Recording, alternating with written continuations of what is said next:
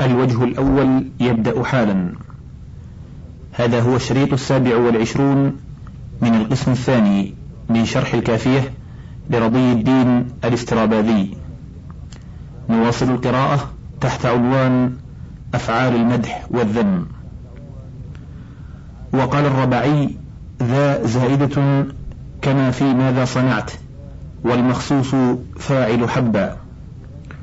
وقد اشتق منه فعل نحو لا تحبذه كحولق وبسمل ونحوهما. قوله وقد يقع قبل المخصوص أو بعده تمييز. نحو حبذا زيد رجلا وحبذا رجلا زيد وإن كان مشتقا جاز أن يقع حالا. والعامل حب نحو حبذا محمد رسولا وحبذا رسولا محمد. ولم يجز في نعمة تأخير التمييز عن المخصوص اختيارا. وجازها هنا لأن التمييز هنا عن الظاهر أي ذا وهناك عن الضمير المستكن. وأيضا التمييز لازم عن الضمير جائز عن ذا. وإنما جاز ترك التمييز هنا تفضيلا للظاهر على الضمير. وقيل إنما لم يجز ترك التمييز في نعمة إذ قد يلتبس المخصوص بالفاعل لولا التمييز في بعض المواضع. نحو نعم السلطان بخلاف حبذا فإن ذا فيه ظاهر فاعليته. وربما حذف المخصوص ها هنا للقرينة كما حذف في نعمة. وقد يفرد حب عن ذا فيجوز إذا نقل ضمة عينها إلى فائها كما يجوز حذفها. قال فقلت اقتلوها عنكم بخراجها وحب بها مقتولة حين تقتل. بفتح الحاء وضمها. وكذا كل ما هو على فعل إذا كان المراد به المدح أو التعجب كقوله بعدما متأملي وأنشد الجوهري لا يمنع الناس مني ما أردت ولا أعطيهم ما أرادوا حسن ذا أدبا. ويروى أيضا عظم البطن بطنك. والتغيير في اللفظ دلالة على التغيير في المعنى إلى المدح أو التعجب. وقد يجر فاعل حب بالباء مفردا عن ذا تشبيها بفاعل أفعل تعجبا كما قال وحب بها مقتولة. تم قسم الأفعال والحمد لله رب العالمين. عنوان قسم الحروف الحرف وتعريفه. قوله الحرف ما دل على معنى في غيره قد مضى شرحه في حد الاسم. قوله ومن ثم احتاج في جزئيته إلى اسم وفعل أي ومن أجل أن معناه في غيره احتاج في كونه جزء كلام إلى اسم كالتنوين في زيد قائم أو فعل نحو قد في قد قام زيد فكل واحد من الكلامين المذكورين مركب من أربع كلمات. وقد ذكرنا في أول الكتاب أن الكلام أخص من الجملة فالاسم يصح أن يكون جزء الكلام من دون شيء آخر وكذا الفعل في نحو قام زيد. وأما الحرف فلا بد في كونه جزء كلام من فعل أو اسم وقد يحتاج إلى المفرد كما ذكرنا وقد يحتاج إلى الجملة كحرف النفي والاستفهام وحرف الشرط وقد يحذف المحتاج إليه في نحو نعم ولا وكأنقدي وخرجت ولما. عنوان أنواع الحروف حروف الجر الغرض منها معنى من. قوله حروف الجر ما وضع للإفضاء بفعل أو شبهه أو معناه إلى ما يليه. وهي من وإلى وحتى وفي والباء واللام ورب واوها واو القسم وتاؤه وعن وعلى والكاف ومذ ومنذ وحاشا وعدا وخلا فمن لابتداء الغاية والتبيين والتبعيض وزائدة في غير الموجب خلافا للكوفيين والأخفش وقد كان من مطر متأول.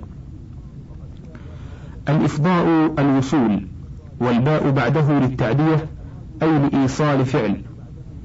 والمراد بإيصال الفعل إلى الاسم تعديته إليه حتى يكون المجرور مفعولا به لذلك الفعل فيكون منصوب المحل. فلذا جاز العطف عليه بالنصب في قوله تعالى وأرجلكم. ويسميها بعضهم حروف الإضافة لهذا المعنى أي تضيف الأفعال إلى الأسماء أي توصلها إليها. ومن هذا سميت حروف الجر لأنها تجر معناها إليها. والأظهر أنه قيل لها حروف الجر لأنها تعمل إعراب الجر كما سميت بعض الحروف حروف الجزم وبعضها حروف النصب. وأراد بقوله شبه الفعل اسم الفاعل واسم المفعول والصفة المشبهة والمصدر كما ذكرنا في الحال. نحو مررت بزيد وأنا مار بزيد وزيد ممرور به ومروري بزيد حسن وزيد بعيد الأذى. ويعني بمعناه الظرف والجار والمجرور نحو قولك زيد عندك أو في الدار لإكرامك. فاللام في لإكرامك يعد الظرف إلى إكرامك وهو في الحقيقة معد للفعل المقدر أو لشبهه وذلك لأن التقدير زيد استقر أو مستقر لكن لما سد الظرف مقام الفعل أو شبهه جاز أن يقال إن الجار معد للظرف وكذا في يا زيد فإن يا قائم مقام أنادي. وأورد المصنف لتمثيل تعديته معنى الفعل هذا في الدار أبوه ولا أراه من ذلك لأن في الدار حال والعامل فيه معنى الإشارة كما في وهذا بعلي شيخا. ولو صرحت بما هو معناه لقلت أشير إليه في الدار أي كائن في الدار. فلفظ أشير يعمل النصب في لفظ في الدار لكونه حالا لقيامه مقام الحال المحذوف وعمل الشيء في الحال غير عمله في المفعول به وكلامنا في عمل معنى الفعل في المفعول به بواسطة الحرف وعمل الفعل أو شبهه أو معناه في الحال لا يحتاج إلى حرف جر. ومن أمثلة, ومن أمثلة تعدية الحرف لمعنى الفعل قولهم أين أنت مني لأن معنى أين أنت بعدت وقد مضى الكلام على ما اختلف فيه. هل هو حرف جر أو لا؟ من لولا وكي ولاتا. وقد اختلف في لعل وسيجيء الكلام عليه. قال المصنف فالعشرة الأول لا تكون إلا حروفا والخمسة التي تليها تكون حروفا وأسماء والثلاثة البواقي تكون حروفا وأفعالا. قال ولم أعد على اسما وفعلا وحرفا لأني أراعي في العد أن يكون بين الكلمتين المتخالفتين في النوع المتماثلتين في اللفظ توافق وتناسب من حيث المعنى كتشارك على الحرفية والاسمية في معنى العلو. فلهذا لم أعد من فعلا أيضا مع أنه يكون أمرا من مان يمين. وكذا في مع كونه أمرا للمؤنث من وفى يفي وله أمرا من ولي يلي وكذا لم أعد إلى اسما مع كونه يجيء بمعنى النعمة كل ذلك لاختلاف المعنيين. قال وأراعي أيضا في العد مع التشارك في المعنى التساوي في أصل الوضع وعلى إذا كان فعلا يكتب بالألف وأصله الواو بخلاف إذا كان اسما أو حرفا وكذا من وفي وله أفعالا أصلها أمين وأوفى وأولى. وفيما قال نظر لأن على الاسمية تكتب ألفا وأصله واو اتفاقا لكنها إذا أضيفت إلى الضمير ينقلب الألف ياء تشبيها بعلى الحرفية. وقوله بات التنوش الحوض نوشا من على نوشا به تقطع أجواز الفلا. على فيه مبني على الضم كقولهم من علو بحذف المضاف إليه. ثم اعترض على نفسه وقال فحاشا وخلا وعدا الحرفية لا أصل لألفاتها بخلافها فعلية. وأجاب بأنها لما تضمنت معنى الاستثناء أشبهت الحرف في عدم التصرف فصارت كأنها لا أصل لألفاتها وهذا عذر بارد. قوله فمن للابتداء. كثيرا ما يجري في كلامهم أن من لابتداء الغاية وإلى لانتهاء الغاية. ولفظ الغاية يستعمل بمعنى النهاية وبمعنى المدى كما أن الأمد والأجل أيضا يستعملان بالمعنيين. والغاية تستعمل في الزمان والمكان بخلاف الأمد والأجل فإنهما يستعملان في الزمان فقط. والمراد بالغاية في قولهم ابتداء الغاية وانتهاء الغاية جميع المسافة إذ لا معنى لابتداء النهاية وانتهاء النهاية. فمن للابتداء في غير الزمان عند البصرية سواء كان المجرور بها مكانا نحو سرت من البصرة أو غيره نحو قولهم هذا الكتاب من زيد إلى عمرو. وأجاز الكوفيون استعمالها في الزمان أيضا استدلالا بقوله تعالى من أول يوم وقوله تعالى إذا نودي للصلاة من يوم الجمعة وقوله لمن الديار بقنة الحجر أقوين من حيج ومن دهر. وأنا لا أرى في الآيتين معنى الابتداء إذ المقصود من معنى الابتداء في من؟ أن يكون الفعل المتعدي بمن؟ الابتدائية شيئا ممتدا كالسير والمشي ونحوه. ويكون المجرور بمن؟ الشيء الذي منه ابتداء ذلك الفعل نحو سرت من البصرة أو يكون الفعل المتعدي بها أصلا للشيء الممتد نحو تبرأت من فلان إلى فلان وكذا خرجت من الدار لأن الخروج ليس شيئا ممتدا إذ يقال خرجت من الدار إذا انفصلت عنها ولو بأقل من خطوة. وليس التأسيس والنداء حدثين ممتدين ولا أصلين للمعنى الممتد بل هما حدثان واقعان فيما بعد من وهذا معنى في ومن في الآيتين. بمعنى في وذلك لأن من في الظروف كثيرا ما تقع في. نحو جئت من قبل زيد ومن بعده ومن بيننا وبينك حجاب وكنت من قدامك. وقد ذكرنا ذلك في الظروف المبنية. وإقامة بعض الحروف مقام بعض غير عزيزة. وكذا الإقواء لم يبتدئ من الحجج. بل المعنى من أجل مرور حجج وشهر. والظاهر مذهب الكوفيين إذ لا منع من مثل قولك نمت من أول الليل إلى آخره وصمت من أول الشهر إلى آخره وهو كثير الاستعمال.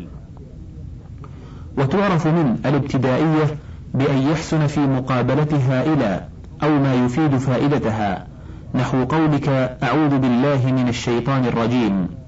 لأن معنى أعوذ به ألتجئ إليه وأفر إليه فالباء ها هنا أفادت معنى الانتهاء. وإذا قصدت بمن مجرد كون المجرور بها موضعا انفصل عنه الشيء وخرج منه لا كونه مبتدأ لشيء ممتد جاز أن يقع موقعه عن لأنها لمجرد التجاوز. كما يجيء تقول خرجت من المكان واخرج عنه وانفصلت منه وعنه ونهيت من كذا وعنه وسقاه من العينة وعنها أي بعده عنها. وأما من التفضيلية فهي وإن كانت لمجرد المجاوزة كما مر لكنه لا يستعمل عن مكانها لأنها صارت علما في التفضيل وكبعض حروف أفعل التفضيل فلا تغير ولا تبدل. وأجاز ابن السراج كون من لابتداء غايتي الفاعل والمفعول لكون الفعل مشتركا بينهما نحو رأيت الهلال من مكاني من خلل السحاب. وكذا قولهم شنمت المسك من داري من الطريق. ومثال التبعيض أخذت من الدراهم والمفعول الصريح لأخذت محذوف أي أخذت من الدراهم شيئا. وإذا لم تذكر المفعول الصريح أو ذكرته معرفا نحو أخذت من الدراهم هذا فمن متعلقة بأخذت لا غير لأنه يقام مقام الفاعل نحو أخذ من الدراهم. والدراهم مأخوذ منها ولو ذكرته بعد المفعول المنكر نحو أخذت شيئا من الدراهم جاز أن يكون الجار متعلقا بالفعل المذكور وأن يكون صفة لشيء فيتعلق بمقدر أي شيئا كائنا من الدراهم. فيجوز إذا تقدم على النكرة أن يكون أيضا حالا عن النكرة المؤخرة. قال تعالى خذ من أموالهم صدقة. وتعرف من التبعيضية بأن يكون هناك شيء ظاهر وهو بعض المجرور بمن؟ نحو خذ من أموالهم صدقة أو مقدر نحو أخذت من الدراهم أي من الدراهم شيئا. قال المبرد وعبد القاهر والزمخشري إن أصل من المبعضة ابتداء الغاية لأن الدراهم في قولك أخذت من الدراهم مبدأ الأخذ. قوله والتبيين كما في قوله تعالى فاجتنبوا الرجس من الأوثان وتعرفها بأن يكون قبل من أو بعدها مبهم. يصلح أن يكون المجرور بمن تفسيرا له وتوقع اسم ذلك المجرور على ذلك المبهم كما يقال مثلا للرجس إنه الأوثان ولعشرين إنها الدراهم في قولك عشرون من الدراهم وللضمير في قولك عز من قائل إنه القائل. بخلاف التبعيضية فإن المجرور بها لا يطلق على ما هو مذكور قبله أو بعده. لأن ذلك المذكور بعض المجرور واسم الكل لا يقع على البعض. فإذا قلت عشرون من الدراهم فإن أشرت بالدراهم إلى دراهم معينة أكثر من عشرين فمن مبعضة لأن العشرين بعضها. وإن قصدت بالدراهم جنس الدراهم فهي مبينة لصحة إطلاق اسم المجرور على العشرين. ولا يلزم أن يكون المأخوذ في نحو أخذت من الدراهم أقل من النصف كما قال بعضهم لأنه لا يمتنع أن تصرح وتقول أخذت من الثلاثين عشرين ومن العشرة تسعة. وقال الزمخشري كونها للتبيين راجع إلى معنى الابتداء وهو بعيد لأن الدراهم هي العشرون في قولك عشرون من الدراهم. ومحال أن يكون الشيء مبدأ نفسه. وكذلك الأوثان نفس الرجس فلا تكون مبدأ له. وإنما جاز تقديم من المبينة على المبهم في نحو قولك أنا من خطتي في روضة ومن رعايته في حرم وعندي من المال ما يكفي ومن الخيل عشرون لأن المبهم الذي فسر بمن التبيينية مقدم تقديرا. كأنك قلت أنا في شيء من خطه في روضة وعندي شيء من المال ما يكفي. وكذا قولك يعجبني من زيد كرمه أي من خصال زيد. كأنك قلت يعجبني شيء من خصال زيد كرمه. ومثله كسرت من زيد يده أي شيء من أعضاء زيد يده. ففي جميع هذا المعطوف عليه محذوف والذي بعد من عطف بيان له كما ذكرنا في باب عطف البيان. كل ذلك ليحصل البيان بعد الإبهام لأن معنى يعجبني من زيد أي شيء من أشيائه بلا ريب. فإذا قلت وجهه أو كرمه فقد بينت ذلك الشيء المبهم. وأما ما يسمى من التجريدية نحو لقيت من زيد أسدا فليس من هذا. بل هو مثله في حذف المضاف أي لقيت من لقاء زيد أسدا أي حصل لي من لقائه لقاء أسد والمراد تشبيهه بالأسد. وكذا الباء التجريدية في نحو قوله تعالى فاسأل به خبيرا. وقولك لقيت بزيد أسدا أي سل بسؤاله خبيرا ولقيت بلقاء زيد أسدا. وقد تكون من للبدل في نحو قوله تعالى أرضيتم بالحياة الدنيا من الآخرة. وقوله فليت لنا من ماء زمزم شربة مبردة باتت على الطهيان. وتعرف بصحة قيام لفظ بدل مقامها. قوله وزائدة في غير الموجب هو إما نفي نحو ما رأيت من أحد أو نهي نحو لا تضرب من أحد أو استفهام نحو هل ضربت من أحد. وغير الأخفش والكوفيين شرطا فيها شرطين كونها في غير الموجب ودخولها في النكرات. والكوفيون والأخفش لا يشترطون ذلك استدلالا بقوله تعالى يغفر لكم من ذنوبكم. فمن في حيز الإيجاب وهي داخلة على المعرفة وهي عند سيبويه مبعضة أن يغفر لكم من ذنوبكم شيئا. قالوا فقوله تعالى إن الله يغفر الذنوب جميعا يناقضه. وأجيب بأن قوله بأن قوله تعالى يغفر لكم من ذنوبكم خطاب لقوم نوح عليه السلام. وقوله تعالى إن الله يغفر الذنوب جميعا خطاب لأمة محمد صلى الله تعالى عليه وسلم. ولو كان أيضا خطابا لأمة واحدة فغفران بعض الذنوب لا يناقض غفران كلها بل عدم غفران بعضها يناقض غفران كلها. واستدلوا بما حكى البغداديون من قول العرب قد كان من مطر وأجيب بأنه على سبيل الحكاية. كأنه سئل هل كان من مطر فأجيب قد كان من مطر فزيدت في الموجب لأجل حكاية المزيدة في غير الموجب. كما قال دعني من تمرتان. كما مر في الموصولات. وقول المصنف شيء من مطر ومن للتبعيض أو التبيين فيه نظر. لأن حذف الموصوف وإقامة الجملة أو الظرف مقامه بلا شرط ذكرناه في باب الموصوف قليل وخاصة إذا كان الموصوف فاعلا لأن الجار والمجرور لا يكون فاعلا للفعل المبني للفاعل إلا إذا كان الجار زائدا نحو كفى بزيد لأن حرف الجر موصل للفعل القاصر إلى ما كان يقصر عنه لولاه والفعل لا يقصر عن فاعله.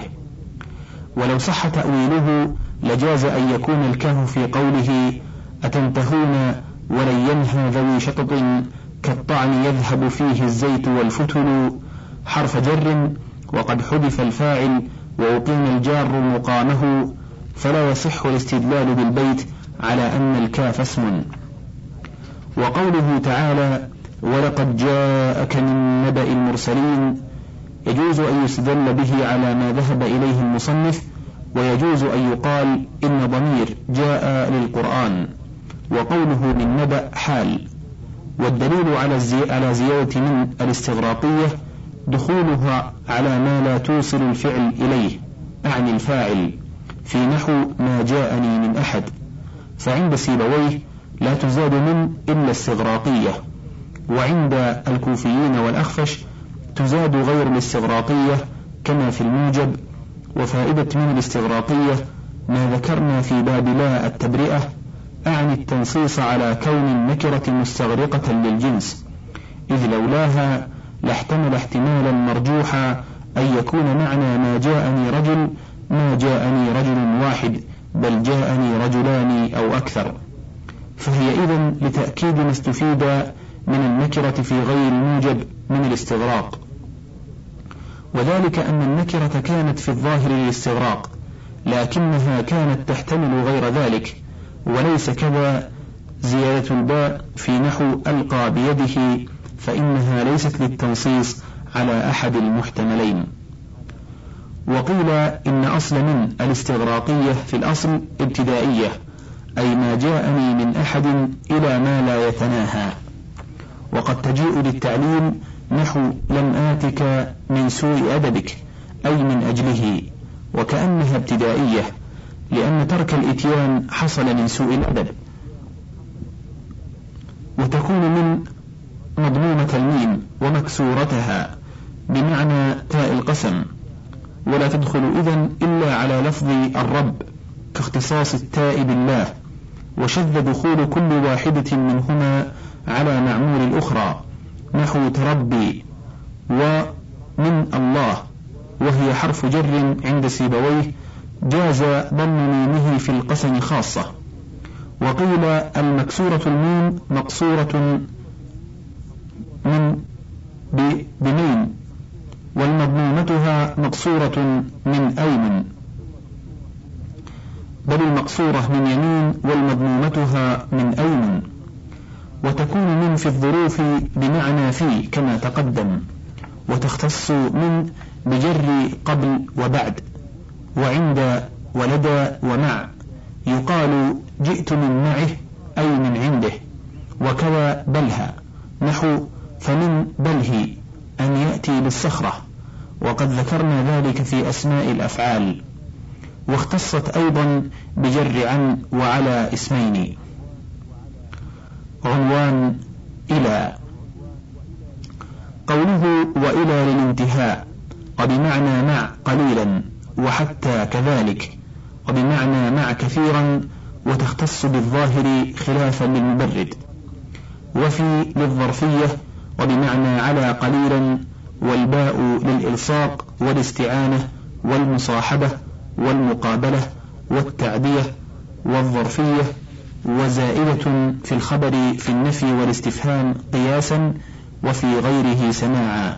نحو بحسبك زيد وألقى بيده واللام للاختصاص والتعليل وزائدة وبمعنى عن مع القول وبمعنى الواو في القسم للتعجب